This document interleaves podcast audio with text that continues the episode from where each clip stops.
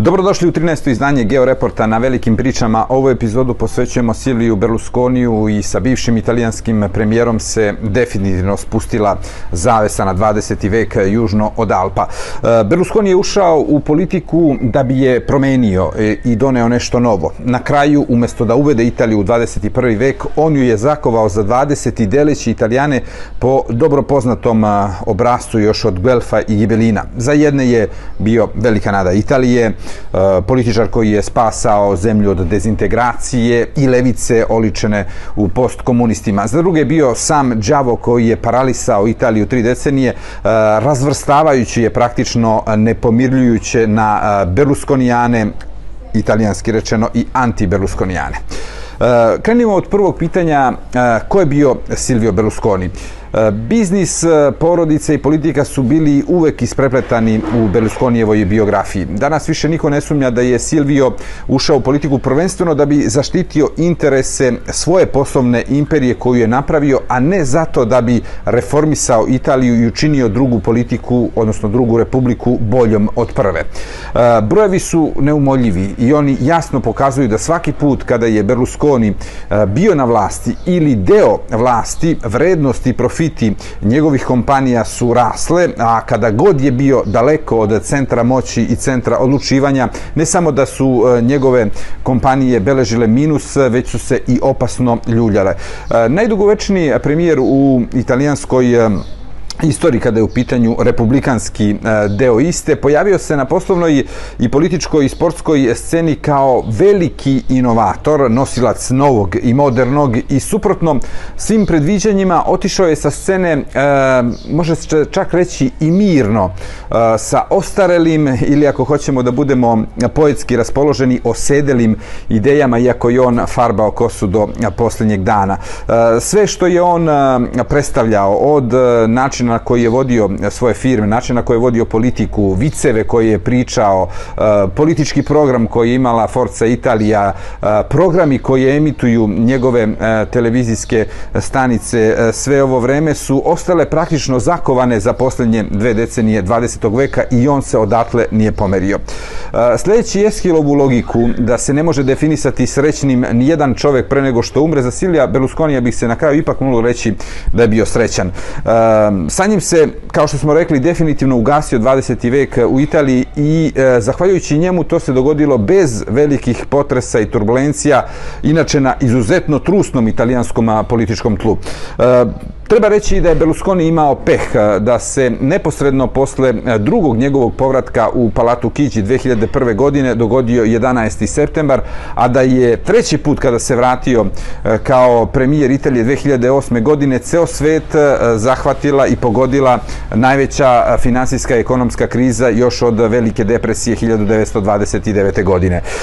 Berlusconi, možemo da kažemo, nije završio, kako mu je to predviđao italijanski režiser Nani Moretti u svom filmu Kajman e, nije okončao ni kao njegov veliki prijatelj i zaštitnik iz njegovog prvog perioda poslovno-političkog angažovanja Betino Krasi. Čak bi se moglo reći da je izašao iz odnosno da je izašao sa životne scene mnogo bolje nego Giulio Andreotti, jer Berlusconi nije pobegao iz zemlje.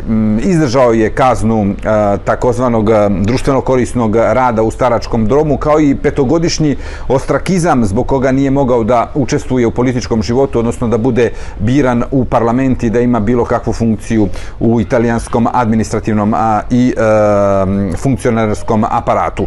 U svojoj političkoj i poslovnoj karijeri Berlusconi je pokazao inače izuzetnu izdržljivost i možemo da kažemo čak i sposobnost e, da se vrati u igru posle poraza što je veoma važno i za poslovne ljude i za političare. E, ne može se također reći da tokom deset godina provedenih u e, Palati Kiđi nije uradio ništa kako mu spočitavaju njegovi protivnici. Bilo je tu i dobrih stvari za građane Italije, međutim problem je u tome što je on kreirao mnogo velike nade i kada se uporede te velike nade koje su kreirane 90. godina sa njegovim konačnim rezultatom, sada već možemo i da podvučemo crtu i da napravimo završni bilans, e, nisu ni približno koincidirale i zbog toga ostaje ta neka vrsta e, gorkog ukusa čak i kod onih koji su podržavali sve vreme Berlusconija. U posljednjih e, deset godina možemo da kažemo da lider Forza Italije je u tom nekom medijskom, političkom, pogotovo u evropskim okvirima uspeo da poboljša svoju sliku u dobroj meri, kako dakle u Italiji, tako i u svetu, jer Berlusconi i njegova Forza Italija su u posljednjih pogotovo pet godina u Evropi bili viđeni kao glas razuma i brana političkom populizmu i političkom avanturizmu Đorđe Meloni, Matea Salvinija i jednostavno svih tih desničarskih partija koje su sada na vlasti u Italiji. Također i na međunarodnoj sceni pojava raznoraznih premijera kao što je bio Boris Johnson ili kao što je to bio i kao što jeste još uvek Viktor Orban, kao što je to e, moćni čovek Poljske Jaroslav Kačinski, u Izraelu Benjamin Netanjahu, e, Donald Trump u Sjedinim američkim državama, ili Marine Le Pen u Francuskoj, ili Santiago Abascal u Španiji, ili Hans Christian Strache u Austriji, e, pa čak možemo toj listi da dodamo i Kirjakosa Mitsotakisa, jednostavno u toj e, fa, m, fotografiji familijarnoj političke e, političkog zapada i e, Evropske unije i Sjedinjenih američkih država e, figura Silvio Berlusconija uopšte nije tako e, štrčeća i šta više može se reći da je on za sve pomenute političare u dobrom smislu i u e, velikoj većini slučajeva bio i državnik i veoma ozbiljan političar tako da je e, se Berlusconi e, imajući u vidu kakva je konkurencija konkurencija nastala pogotovo na političkoj desnici na starom kontinentu poprilično revalorizovao svoju poziciju i popravio, možemo da kažemo, taj ukupni utisak o njegovom političkom delovanju. Neostvarena liberalna revolucija. Ono što se najviše zamera Silvio Berlusconi je upravo činjenica da nije ispunio svoje ključno obećanje, a to je bilo da će e, u Italiji napraviti liberalnu e, revoluciju. On to nije uradio, razočarao je dakle taj liberalni deo i najnapredniji deo italijanskog e, društva. On nije čak uspeo ni da ostvari obećanja malim i srednjim privrednicima koji su mu verovali kada je govorio da će stvoriti ambijent za biznis, da će napraviti program i reforme koje će redukovati znači značajno birokratiju, e, zatim e, da će se smanjiti e, porezi, nameti koje trpe mali i srednji preduzetnici. Ništa od toga se dakle nije dogodilo i zbog toga je Silvio Berlusconi ostao, možemo da kažemo, u neku ruku dužan svim tim ljudima koji su dugo godina verovali u njega.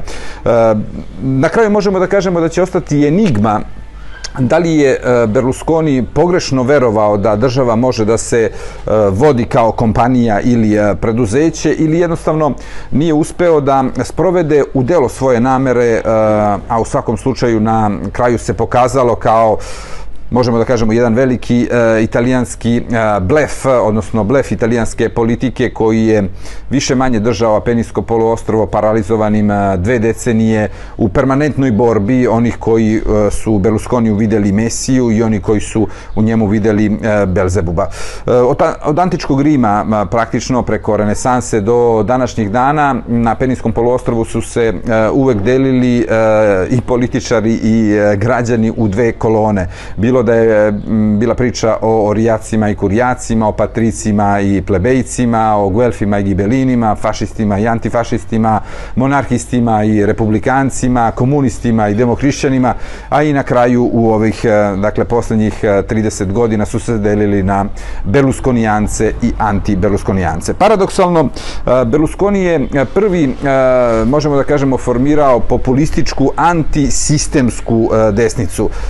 Dve decenije decenije pre nego što će se e, takve političke formacije naći na vlasti u Mađarskoj, Poljskoj, Velikoj Britaniji, Sjedinim američkim državama, a e, istovremeno iste te formacije sa više manje sličnim idejama i programima su veoma blizu osvajanja vlasti u, u Francuskoj i Španiji. E, međutim, za razliku od svih tih njegovih, možemo da kažemo između znaka navoda naslednika koji su išli tim stazama, Berlusconi se pokazao kao mnogo veći e, demokrata i sa mnogo većim kapacitetom kapacitetom da deluje demokratski, pa čak ako hoćemo da kažemo i liberalno. Naravno, nije uspeo da sprovede liberalnu reformu u Italiji, ali u dobrom delu svojih nastupa političkih i poslovnih Berlusconi je bio mnogo veći liberal nego njegove kolege. Način na koji je Berlusconi prihvatao poraze, podnosio ostavke, poštovao sudske presude i na kraju krajeva prihvatio i da bude mlađi partner u koaliciji desnog centra koji je baš on osnova i čiji je bio neprikosnoveni lider više od dve decenije, je dokaz koliko je Berlusconi u stvari zaista bio demokrata i negde liberal. Naravno, njegovi protivnice reći on je samo bio oportunista jer je shvatio da je to način da zadrži uh, kakav takav uticaj na politička dešavanja u Italiji i da obezbedi uh, najbolji mogući poslovni okvir za svoju uh, imperiju. Berlusconi, dakle, nije bio tribun liberalnih ideja, ani zaštitnik, možemo da kažemo, građana od levijatanskog državnog aparata s kakvim je predstavljao sam sebe, a takođe i isti državni aparat. E, nije Berlusconi bio ni državnik ili primer e, modernog tajkuna koji se probudio jednog jutra, rešen da nešto učini za svoju zemlju i zbog toga plaća skupu cenu.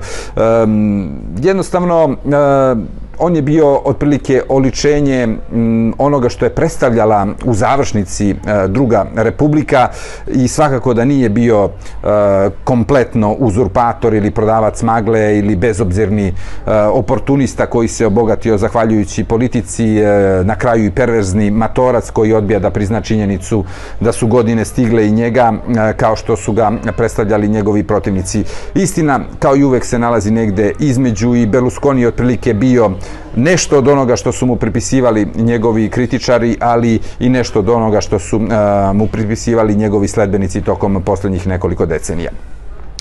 Da li je Berlusconi e, spasao Italiju od dezintegracije? Verovatno kada se budu e, pisale e, knjige o ovom periodu, svakako da će on biti obeležen kao berlusconijanski period u istoriji Italije i verovatno kako bude vreme prolazilo, Berlusconiju će se sve više priznavati činjenica da je on zaista u veoma senzibilnom momentu uspeo da zadrži ujedinjenu i jedinstvenu Italiju. Naime, kao što smo rekli, Berlusconi Meloni nije održao obećanje o liberalnoj e, revoluciji u Italiji, ali se ne može negirati dakle, e, da je uspešno ugasio secesionističke težnje na severu zemlje, obuzdao je Ligu Severa Umberta Bosija kada je ona bila u naletu, kada je bila e, najjača i najopasnija. Zatim je značajno doprineo da italijanska desnica, pogotovo ona koja baštini nasledđe italijanskog socijalnog pokreta, reći o nostalgičarima za fašističkim vremenima, čija je, možemo da kažemo, baštinica i e, Đorđa Meloni koja se trenutno nalazi na vlasti. E, zahvaljujući Berlusconiju, oni su uspeli da postanu pouzdani i kredibilni partner u evroatlantskom miljeu država. Drugim rečima, bez Berlusconija prelaz između 20. u 21. vek bi bio mnogo traumatičniji i sa krajnje neizvesnim posljedicama kako po demokratsko ustrojstvo zemlje, tako i po njen teritorijalni integritet. Berlusconi od e, inovatora do simbola prošlih vremena. Berlusconi je počeo svoju i poslovnu i političku karijeru kao veliki inovator gotovo u svim sektorima u kojima se okušao do kraja 90. godina, odnosno do početka novog milenijuma, od građevinarstva preko televizije do futbala. Međutim, sa ulaskom u politiku je izgubio taj kvalitet. Njegove televizije praktično žive od programa koji su osmišljeni 80. i 90. godina kada su predstavljale apsolutnu novinu. U posljednje dve decenije 20. veka Berlusconijeve televizije su bile poledne, e, sveže, moderne, e, namenjene mladima, onima koji imaju ispod 40 godina i danas praktično žive od stare slave. Ostarili su praktično zajedno sa svojom publikom i verovatno će se zajedno sa njom i ugasiti jer su e, zakasnili i sa digitalnom i sa streaming revolucijom i na taj način su izgubili bitku sa direktnim konkurentima, pogotovo kada govorimo o publici koja je e, ispod 40 godina, dakle ona publika kojoj pripada budućnost.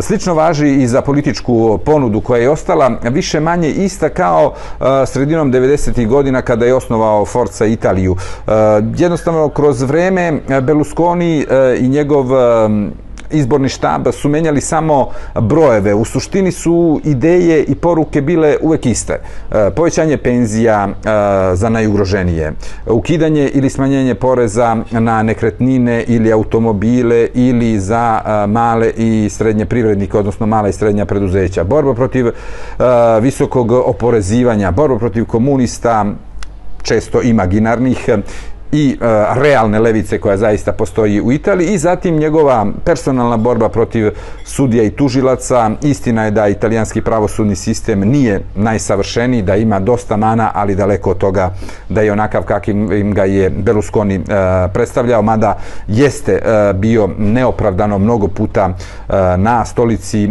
optuženih i e, zaista previše puta je bio e, pod istragama često e, iz zaista političkih razloga. Berlusconi je, dakle, e, možemo da kažemo, bio kao već viđen e, mm, rođak koji na, znate, na onim um, proslavama i kada se okupi porodica, priča priče koje su se već uh, čule od njega nekoliko desetina puta. Uh, Eh, od viceva, štoseva do eh, anegdota i on eh, je uvek pokušavao da zabavlja na isti način publiku i tome je ostao veran sve do kraja, mada jednostavno na kraju je svima, ajde da tako kažemo, direktno dosadio.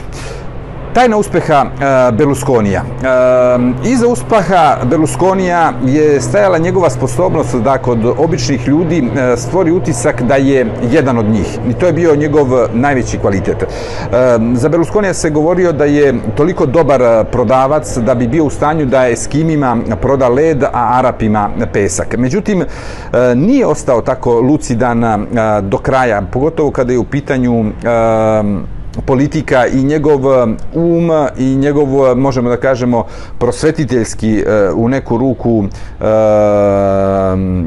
prosvetiteljska karakteristika jednostavno u politici se nije vidjela. Uh, razlog je bio banalan koliko i očigledan.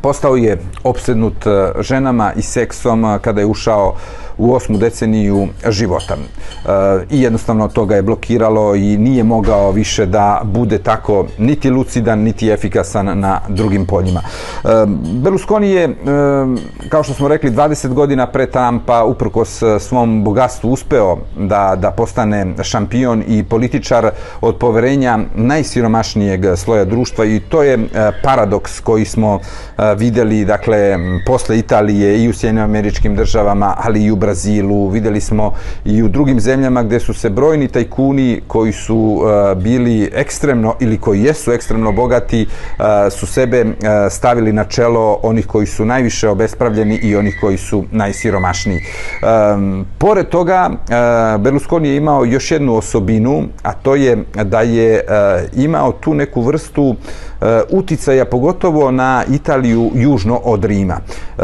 on je i sam za sebe govorio da je, da je e, Milanez koji je rođen na pogrešnoj e, strani Italije, odnosno da je e, mnogo sebe više osjećao građaninom Napulja i juga Italije nego, nego Milana i e, to se i videlo na izbornim rezultatima dugi niz godina jer Forza Italije je uglavnom bazirala svoje izborne uspehe na na pobedama e, u južnom delu Italije i ostaće upamćen rezultat na Siciliji e, na izborima 2001. godine jer Sicilija je podeljena tada bila na 61 izbornu jedinicu za 61 poslanika i senatora u italijanskom parlamentu i svih 61 odnosno svih tih e, svi ti obračuni su završeni u korist koalicije desnog centra na čijem je čelu bila Forza Italija Nikada se nije dogodilo na, da na Sicili pobedi jedna politička linija sa rezultatom 61-0. Ne bi to uspeo čak eh, ni eh, Mussolini sa eh, čeličnim prefektom Cezareom Morijem da se kojim slučajem u fašističkoj Italiji glasalo i da je postojala demokratija. Berlusconi Berlusconijeve slabosti, već smo nešto uh, rekli o tome da ga je upravo ta njegova opsednutost e, seksom i mladim ženama blokirala, pogotovo u posljednjih e, 20 godina njegove karijere.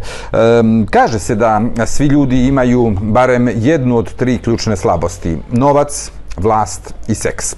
Eh, Berlusconi, to možemo sada da kažemo, post festum ih je imao sve tri. Eh, s tom razlikom što su one isplivavale na površinu eh, u različitim periodima.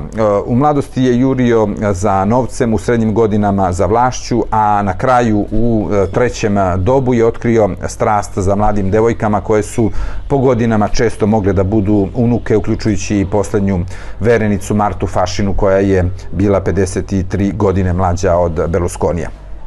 Koliko je Berlusconi bio srećan u prijateljstvima, toliko je bio uspešan i u kreiranju e, neprijateljstava, odnosno neprijatelja. Dovoljno je pogledati e, ko su van politike s jedne strane bili najbliži saradnici Berlusconija, predsjednik medija seta, dugo godina je bio njegov prijatelj iz detinjstva, Fedele Confalonieri, prvi čovek Mediolanuma, Enio Doris je do smrti bio njegov e, lični bankar, Adriano Galliani, koga ljubitelji futbala svakako dobro poznaju, je nekoliko decenija opunomoćeni, možemo da kažemo, izvršitelj Berlusconi je bio u Milanu i sada u Monci. Gianni Leta je decenijama bio njegova desna ruka i šef njegovog kabineta. Tu je i Marinela Brambila koja je bila njegova lična sekretarica i koja je kao njegova lična sekretarica i otišla u penziju i ostala mu je verna do kraja. Tu je također bio i Mike Bongiorno, legendarna televizijska zvezda i voditelj koji je do posljednjeg svog dana, do svoje 85. godine, radio za Mediaset Silija Berlusconija. Dakle, Berlusconi je izradio imidž čoveka koji e, ne ostavlja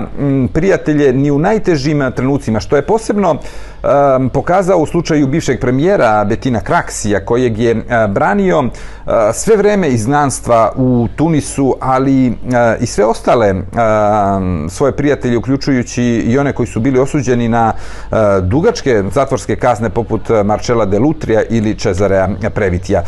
Neprimjereno ponašanje Berlusconija je postalo upadljivo posle smrti njegove uh, majke uh, Roze i najmlađe sestre. Uh, te dve smrti su se dogodile u razmaku od nekoliko meseci tokom 2008. godine i došle su uh, posle njegovog razvoda sa Veronikom Larijom, njegovom drugom suprugom. I tada, da li zbog straha od smrti, da li zbog nestanka autoriteta mame Roze, Berlusconi je E, tako eksplicitno pokazao svoju strast za mlade devojke i naravno tu su se odmah našli između znaka navoda prijatelji spremni da zadovolje prohteve e, Silvija i da zmaju na Viagri prenesu, odnosno prinesu mlade žrtve. Ovo je citat iz e, pisma koje je upitila Republici njegova bivša supruga Veronika Lario opisujući manje više jeli, e, ono što se kasnije e, zvalo e, elegantne e, večere ili bunga bunga u e, nekoliko sudskih e, procesa u kojima je Berlusconi bio glavni akter. Dakle, sve to je kreiralo situaciju u kojoj se uh, od Rima preko Sardinije pa do Milana i Vile u Arkarovu, u zavisnosti od dakle, ugla gledanja, su nastale te zabave, uh, da li ih možemo zvati orgije ili elegantne večere, to će naravno uh, istorija um, prosuđivati i doneti e, konačan sud. U svakom slučaju one su koštale veoma, veoma mnogo e, Silija Berlusconi kada je u pitanju njegova politička karijera. E, napravimo sada korak unazad i e, želim, želio bih da vas podsjetim kako je u stvari krenuo uspon Silvija Berlusconija Eh, kada je u pitanju njegova i poslovna i politička i sportska eh, karijera. Eh, većina Berlusconijevih biografa uzima kao kamen temeljac njegove političke karijere kupovinu Milana, pošto je upravo zahvaljujući Rosonerima prešao put od lokalnog do svetski poznatog biznismena. Jednostavno, popularnost je došla kada se sa Milanom Arigasakija popeo na futbalski krov Italije, Evrope i sveta. Kapital za prve investicije Berlusconijevih Berlusconija u građevinskom sektoru u Milanu je došao iz banke u kojoj je radio njegov otac. Eh, ona je bila u vlasništvu Mikelea eh, Sindone, kriminalca koji je bio eh, povezan sa sicilijanskom mafijom, devijantnim delovima tajnih službi i pseudomasonskom organizacijom Pidue Liča Đelije, kao i sa delovima rimokatoličke crkve. Ta okolnost je praktično prišila trajnu sumnju na zarađeni prvi prvi milion Berlusconija o kome se jeli, kao što znamo, ne pitaju biznismeni i mnogi smatraju da je upravo Berlusconi u tom kontekstu bio neka vrsta lica ili predstavnika čitave te grupe raznoraznih interesnih sfera koje su se nalazile u podzemlju ili između legalnog i nelegalnog dela društva u Italiji. Profit od izgradnje modernih kvartova u Lombardijskoj prestonici i na njenoj periferiji Berlusconi je investirao u nekoliko sektora i tu trebamo da naglasimo da je e, zaista kada je u pitanju e, izgradnja e, Milana 2 i drugih e, kvartova koje je izgradio Berlusconi, one u tom vremenu predstavljaju zaista veliki novitet i veliki pomak kada je u pitanju kvalitet življenja i kvalitet stanovanja, tako da je Berlusconi u tom e, sektoru napravio velike pomake. Od građevinskog sektora, dakle kao što smo rekli, gde je stekao to prvo svoje i akumulirao kao veliko bogatstvo, on počinje da ulaže novac u bankarski sektor i fokusira se krajem 70. godina na televizije, odnosno na medije i početkom 80. godina e, je neko ko uz pomoć Betina Kraksija pokušava da Ehm, kako da kažemo, eh, dovede u pitanje monopol koji je do tada Raj imao apsolutno kada je u pitanju eh, televizija i kada je u pitanju eh, televizijski medijski prostor. Bettino Betino Kraksi, ehm, podsjetimo, u to vreme je bio italijanski premijer i uvek na neki način u vlasti, da li kao ministar, da li je njegova partija participirala, ali dakle uvek je imao veoma važnu ulogu u bilo kojoj tadašnjoj italijanskoj vladi ehm, on je, dakle, e, pomogao mm, da e, Berlusconi jednostavno e, izađe iz nekoliko kriznih situacija tokom 80. godina i da učrsti svoju imperiju, a također je doneo i nekoliko zakona koji su omogućili Berlusconiju i njegovoj imperiji ne samo da izbegnu e, krivične postupke, već i da se nađu u povoljnoj situaciji od drugih konkurenata da razvije svoju medijsku i poslovnu imperiju. E, Berlusconi e, i tu dolazimo u stvari do ključne stvari e, zbog čega Berlusconi stvari ulazi u politiku. E, ulazi u politiku jer Kraksi e, jednostavno je bio primoran da pobegne u Tunis zbog serije procesa koji su e, se ticali njega, zbog nezakonitog finansiranja socijalističke partije Italije i zbog primanja mita, odnosno zbog korupcionaških afera i jeli, čuvena je scena kada su ga zasuli monetama od tadašnjih 500 lira. Građani Rima zbog ozbiljnih optužbi da je Eh, nekoliko decenija primao mito od eh, raznih interesnih eh, grupa i da je jedan od ključnih korumpiranih političara u Italiji bio u prvoj republici. Dakle, Berlusconi bez Betina Kraksija, kao zaštitnika, jer se nalazi u iznanstvu u Tunisu, odlučuje da uđe u politiku jer se 1993. godine njegova poslovna imperija i Mediaset nalaze u veoma a, nezavidnoj situaciji, izloženi dugovima koji su tada, tako se barem kaže, a, su iznosili negde oko 2 milijarde nemačkih maraka. A, U to vreme počinju i da se pojavljuju i da kruže vesti o tome da razne prokure, odnosno tužilaštva u Italiji se interesuju za poslovanje Berlusconija. U tom kontekstu uh, on postaje takođe i meta njegovog arhineprijatelja Karla de Benedettija, jednog drugog italijanskog tajkuna, koji tada želi da se Berlusconiju osveti, a o čemu se radi, o tome će vam reći nešto kasnije. Uh, Berlusconi, uh, dakle, uh, i Benedetti, odnosno Berlusconi protiv de Benedettija.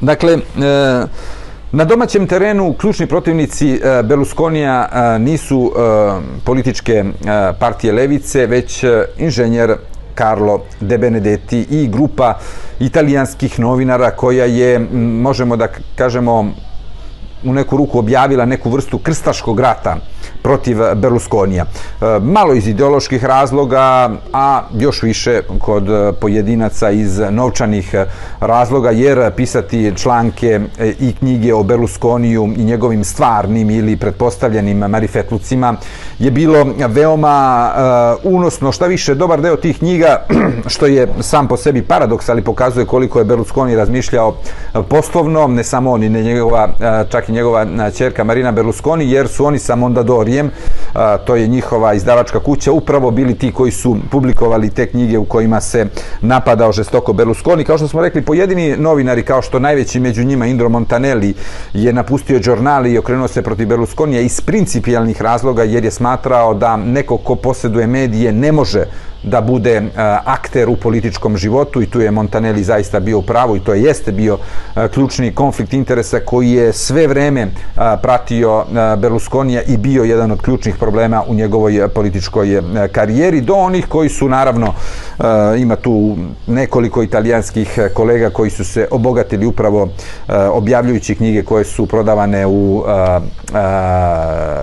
tiražima koji su se merili sa nekoliko desetina hiljada ili stotina hiljada i tako su e, uspešno unovčili, možemo da kažemo, njihov anti-berlusconizam. E, Carlo De Benedetti je u tome imao veliku ulogu jer on je bio vlasnik e, e, konglomerata Espresso u kojem a, Eh, su bili ne samo uh, najpoznatiji uh, dnevnik italijanski uz Corriere della Sera uh, La Repubblica, već i na desetine lokalnih listova, zatim lokalnih radiotelevizijskih stanica, nedeljnika i drugih periodičnih izdanja. Debenetti se uh, sam hvalio da je vlasnik knjižice broj 1 demokratske partije i njegova životna priča u pojedinim e, elementima čak i podsjeća na Berlusconijevom uz bitnu razliku što je on uvek e, preferirao da vuče poteze iz senke služeći se političarima uh, i e, preferirajući da lično ne ulazi u političku arenu. I u stvari ono što je De Benedetti najviše izamerao Berlusconi je upravo to da se Berlusconi u prvom licu pojavio u politici. On nije imao dakle ništa protiv jer upravo i on to isto radio, uticao je na političare i političke stranke iz senke, odnosno iz drugog plana. E, neprijateljstvo dvojice e, preduzetnika je zadenuto, podsjetimo, 80-ih godina prošlog veka, kada je tadašnji premijer Bettino Craxi uz pomoć, dakle, Berlusconija osujetio dogovor tadašnjeg predsjednika državne holding kompanije IRI, Romana Prodija, da proda poljoprivredno prehrambenu grupu SME De Benedetiju za pola milijardi nemačkih maraka. Koliki je profit izgubio De Benedetti, govori vam podatak da je samo jedno od deset preduzeća SME dve godine kasnije prodato za dve milijarde Eh, nemačkih maraka, znači četiri puta više od cene koju je De Benedetti morao da plati za svih deset i to vam dovoljno govori o kakvom se poslu radilo. Eh, zatim još se, eh, da tako kažemo, sećanje na aferu SME nije ni stišalo kada je De Benedetti doživeo još jedan udarac od Berlusconija. U trci da se domogne izdavačke imperije Mondadori, De Benedetti i Berlusconi nisu štedeli uh, niske udarce, bilo je tu svega i svačega i na kraju je kao pobednik izašao Silvio, a Carlo je morao da se zadovolji Republikom i izdavačkom kućom uh, Espresso. Od tog momenta uh, Republika i čitava izdavačka kuća Espresso su vodili kampanju bez presedana i bez prestanka protiv Berlusconija koja je dodatno pojačana i ostrašćena sa ulaskom Berlusconija u politiku 1994. godine. Uh, De Benedetti naravno nije se zaustavio samo na medijskoj kampanji protiv Berlusconija, već je upravo bio on taj koji je lansirao kandidaturu Romana Prodija, njegovog prijatelja, dakle onog kojeg je trebao da mu obezbedi taj veoma unosan posao sa prodajom SME, da bude kandidat leve koalicije na izborima 96. godine i Romani Prodi, Romano Prodi je i pobedio Silvija Berlusconija uh, na tim izborima. Međutim, to nije e, nikako naravno smanjilo žestinu napada na Berlusconija koji e, istovremeno počinje da se suočava sa e, sudskim procesima. Među njima je e, medijski naravno najeksploata, e, najeksploatisani e, postupak e, u kojem je optužen za korupciju član sudskog veća koji je odlučio da Mondadori pripadne e, Berlusconiju. Iz e, ovog krivičnog procesa m, koji je trajao čak 15 e, godina, Berlusconi će izaći sa e, pravne tačke gledišta čist, ali će u civilnoj, odnosno u građanskoj parnici, njegova kompanija biti osuđena da plati više od pola milijarde evra na ime pretapljene štete e, De Benedetiju. Berlusconi i neprijatelji. E, u svojoj e, karijeri, kao što smo rekli, Berlusconi je imao mnogo neprijatelja.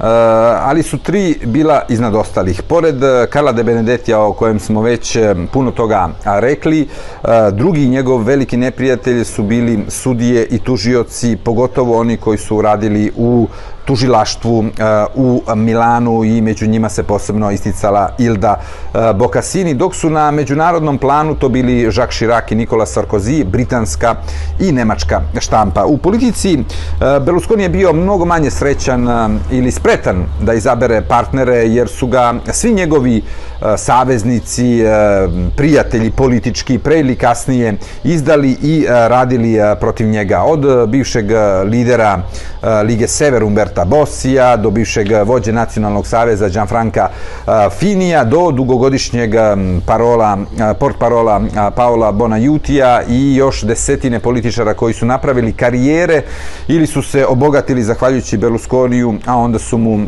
u stilu jeli, bruta zabili nož u leđa i izdali ga kada mu je bilo to najmanje, odnosno kada je to bilo najgore za njegovu političku karijeru.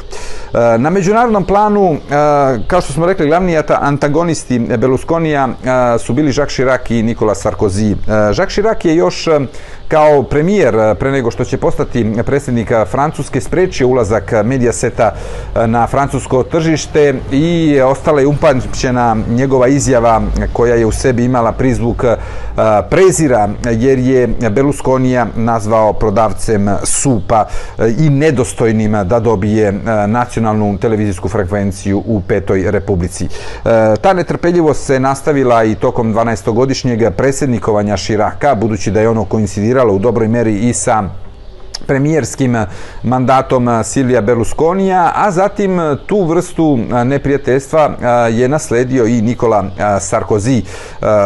Poslovično podozriva prema Berlusconiju bila je engleska i nemačka štampa koje su ga zaista dočekale na nož, posebno Financial Times i Economist, čije sudove i komentare su često bez provera prenosili evropski mediji doprinoseći e, negativnoj e, slavi i e, takvom imidžu Berlusconija. I u tim tekstovima možemo da kažemo da se primećivala, i to vam mogu reći svi oni koji dobro poznaju italijansku političku scenu i Italiju kao zemlju, velika količina predrasuda i banalnih fraza, stereotipa koji se upotrebljavaju kada se govori i kada se analizira situacija u Italiji.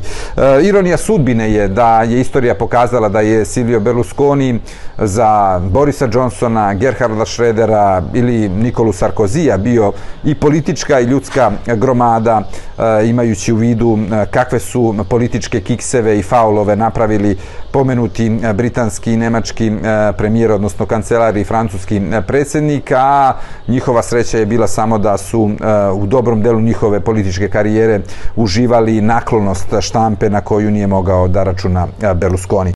Berlusconi protiv sudija i tužilaca. Dve decenije se vodila neka vrsta rata između e, Berlusconija i tužilaca i sudija iz Milana koja je počela sa prvim obaveštenjem o vođenju istrage protiv njega pola godine po ulasku u Palatu Kiđi i to tokom veoma važnog međunarodnog skupa u Napolju što je samo po sebi bio, e, možemo da kažemo, jedan presedan i težak faul kada je u pitanju odnos između različitih e, grana vlasti.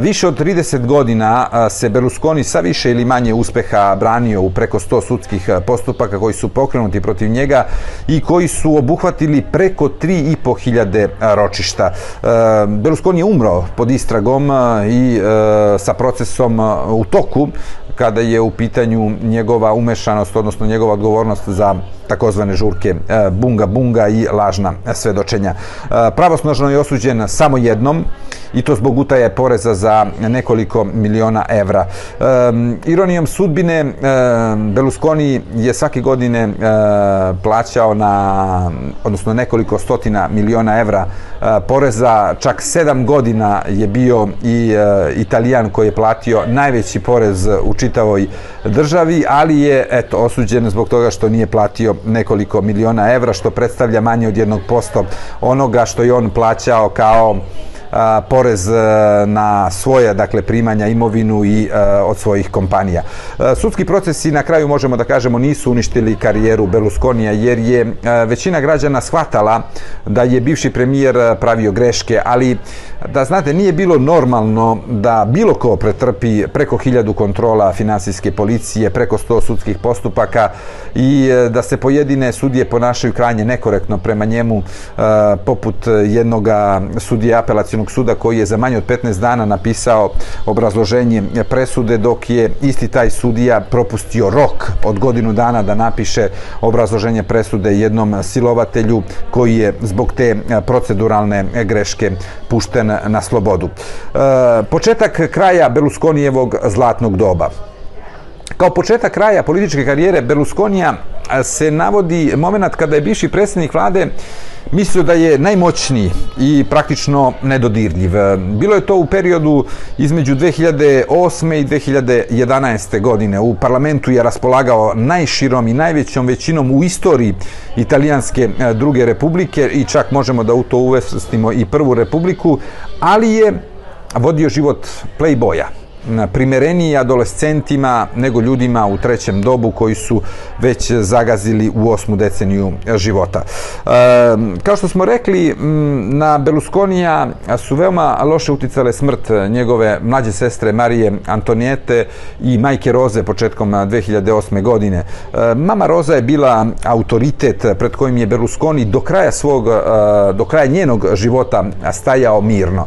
E, naravno, nije Silvio bio svetac, ni dok je e, mama Roza bila živa, ali je sigurno i u to nema sumnje, da mu ne bi padalo na pamet da realizuje zabave bunga bunga ili elegantne večere kako ih je on definisao dok je morao da odgovara na telefonske pozive svoje mame. E, smrt e, dve veoma bliske osobe, razvod e, sa drugom suprugom Veronikom, rivalstvo dece iz prvog i drugog braka, strah od smrti, starenje, anksioznost, sve to doprinalo da se stvori vakum oko Berlusconija. U taj prazan prostorom su leteli razni um, podvodači, mešetari, lažni prijatelji, uh, spremni da iskoriste svaku slabost tadašnjeg premijera za dobijanje uh, pozajmica, usluga, privilegija, poslova ili uh, samo činjenica da mogu da se pohvale da su prijatelji ili da su veoma bliski Berlusconiju. Na Berlusconiju slabost prema mladim devojkama prva je ukazala upravo njegova bivša supruga javno, tako što je objavila uh, pismo u Rimskoj republici 2007. godine u kojem je tražila javno izvinjenje od svog tadašnjeg supružnika zbog e, neprimerenih e, komplimenata mladim subretama u jednoj uh, televizijskoj emisiji. Uh, dve godine kasnije preko nacionalne novinske agencije ANSA Veronika je definisala način na koji je njen suprug birao saradnice i kandidate za izbore kao smeć smeće bez stida. Nije dakle birala reči Veronika Lario i možemo da kažemo da je bila u dobroj meri i u pravu. E, čašu žuči e, je prelilo kod Veronike e, Lario pojavljivanje Berlusconija na 18. rođendanu jedne devojke iz Napulja, posle čega je Lario zatražila razvod braka i to je bio kraj njihovog braka, ali isto tako i početak te vrlo možemo da kažemo turbulentne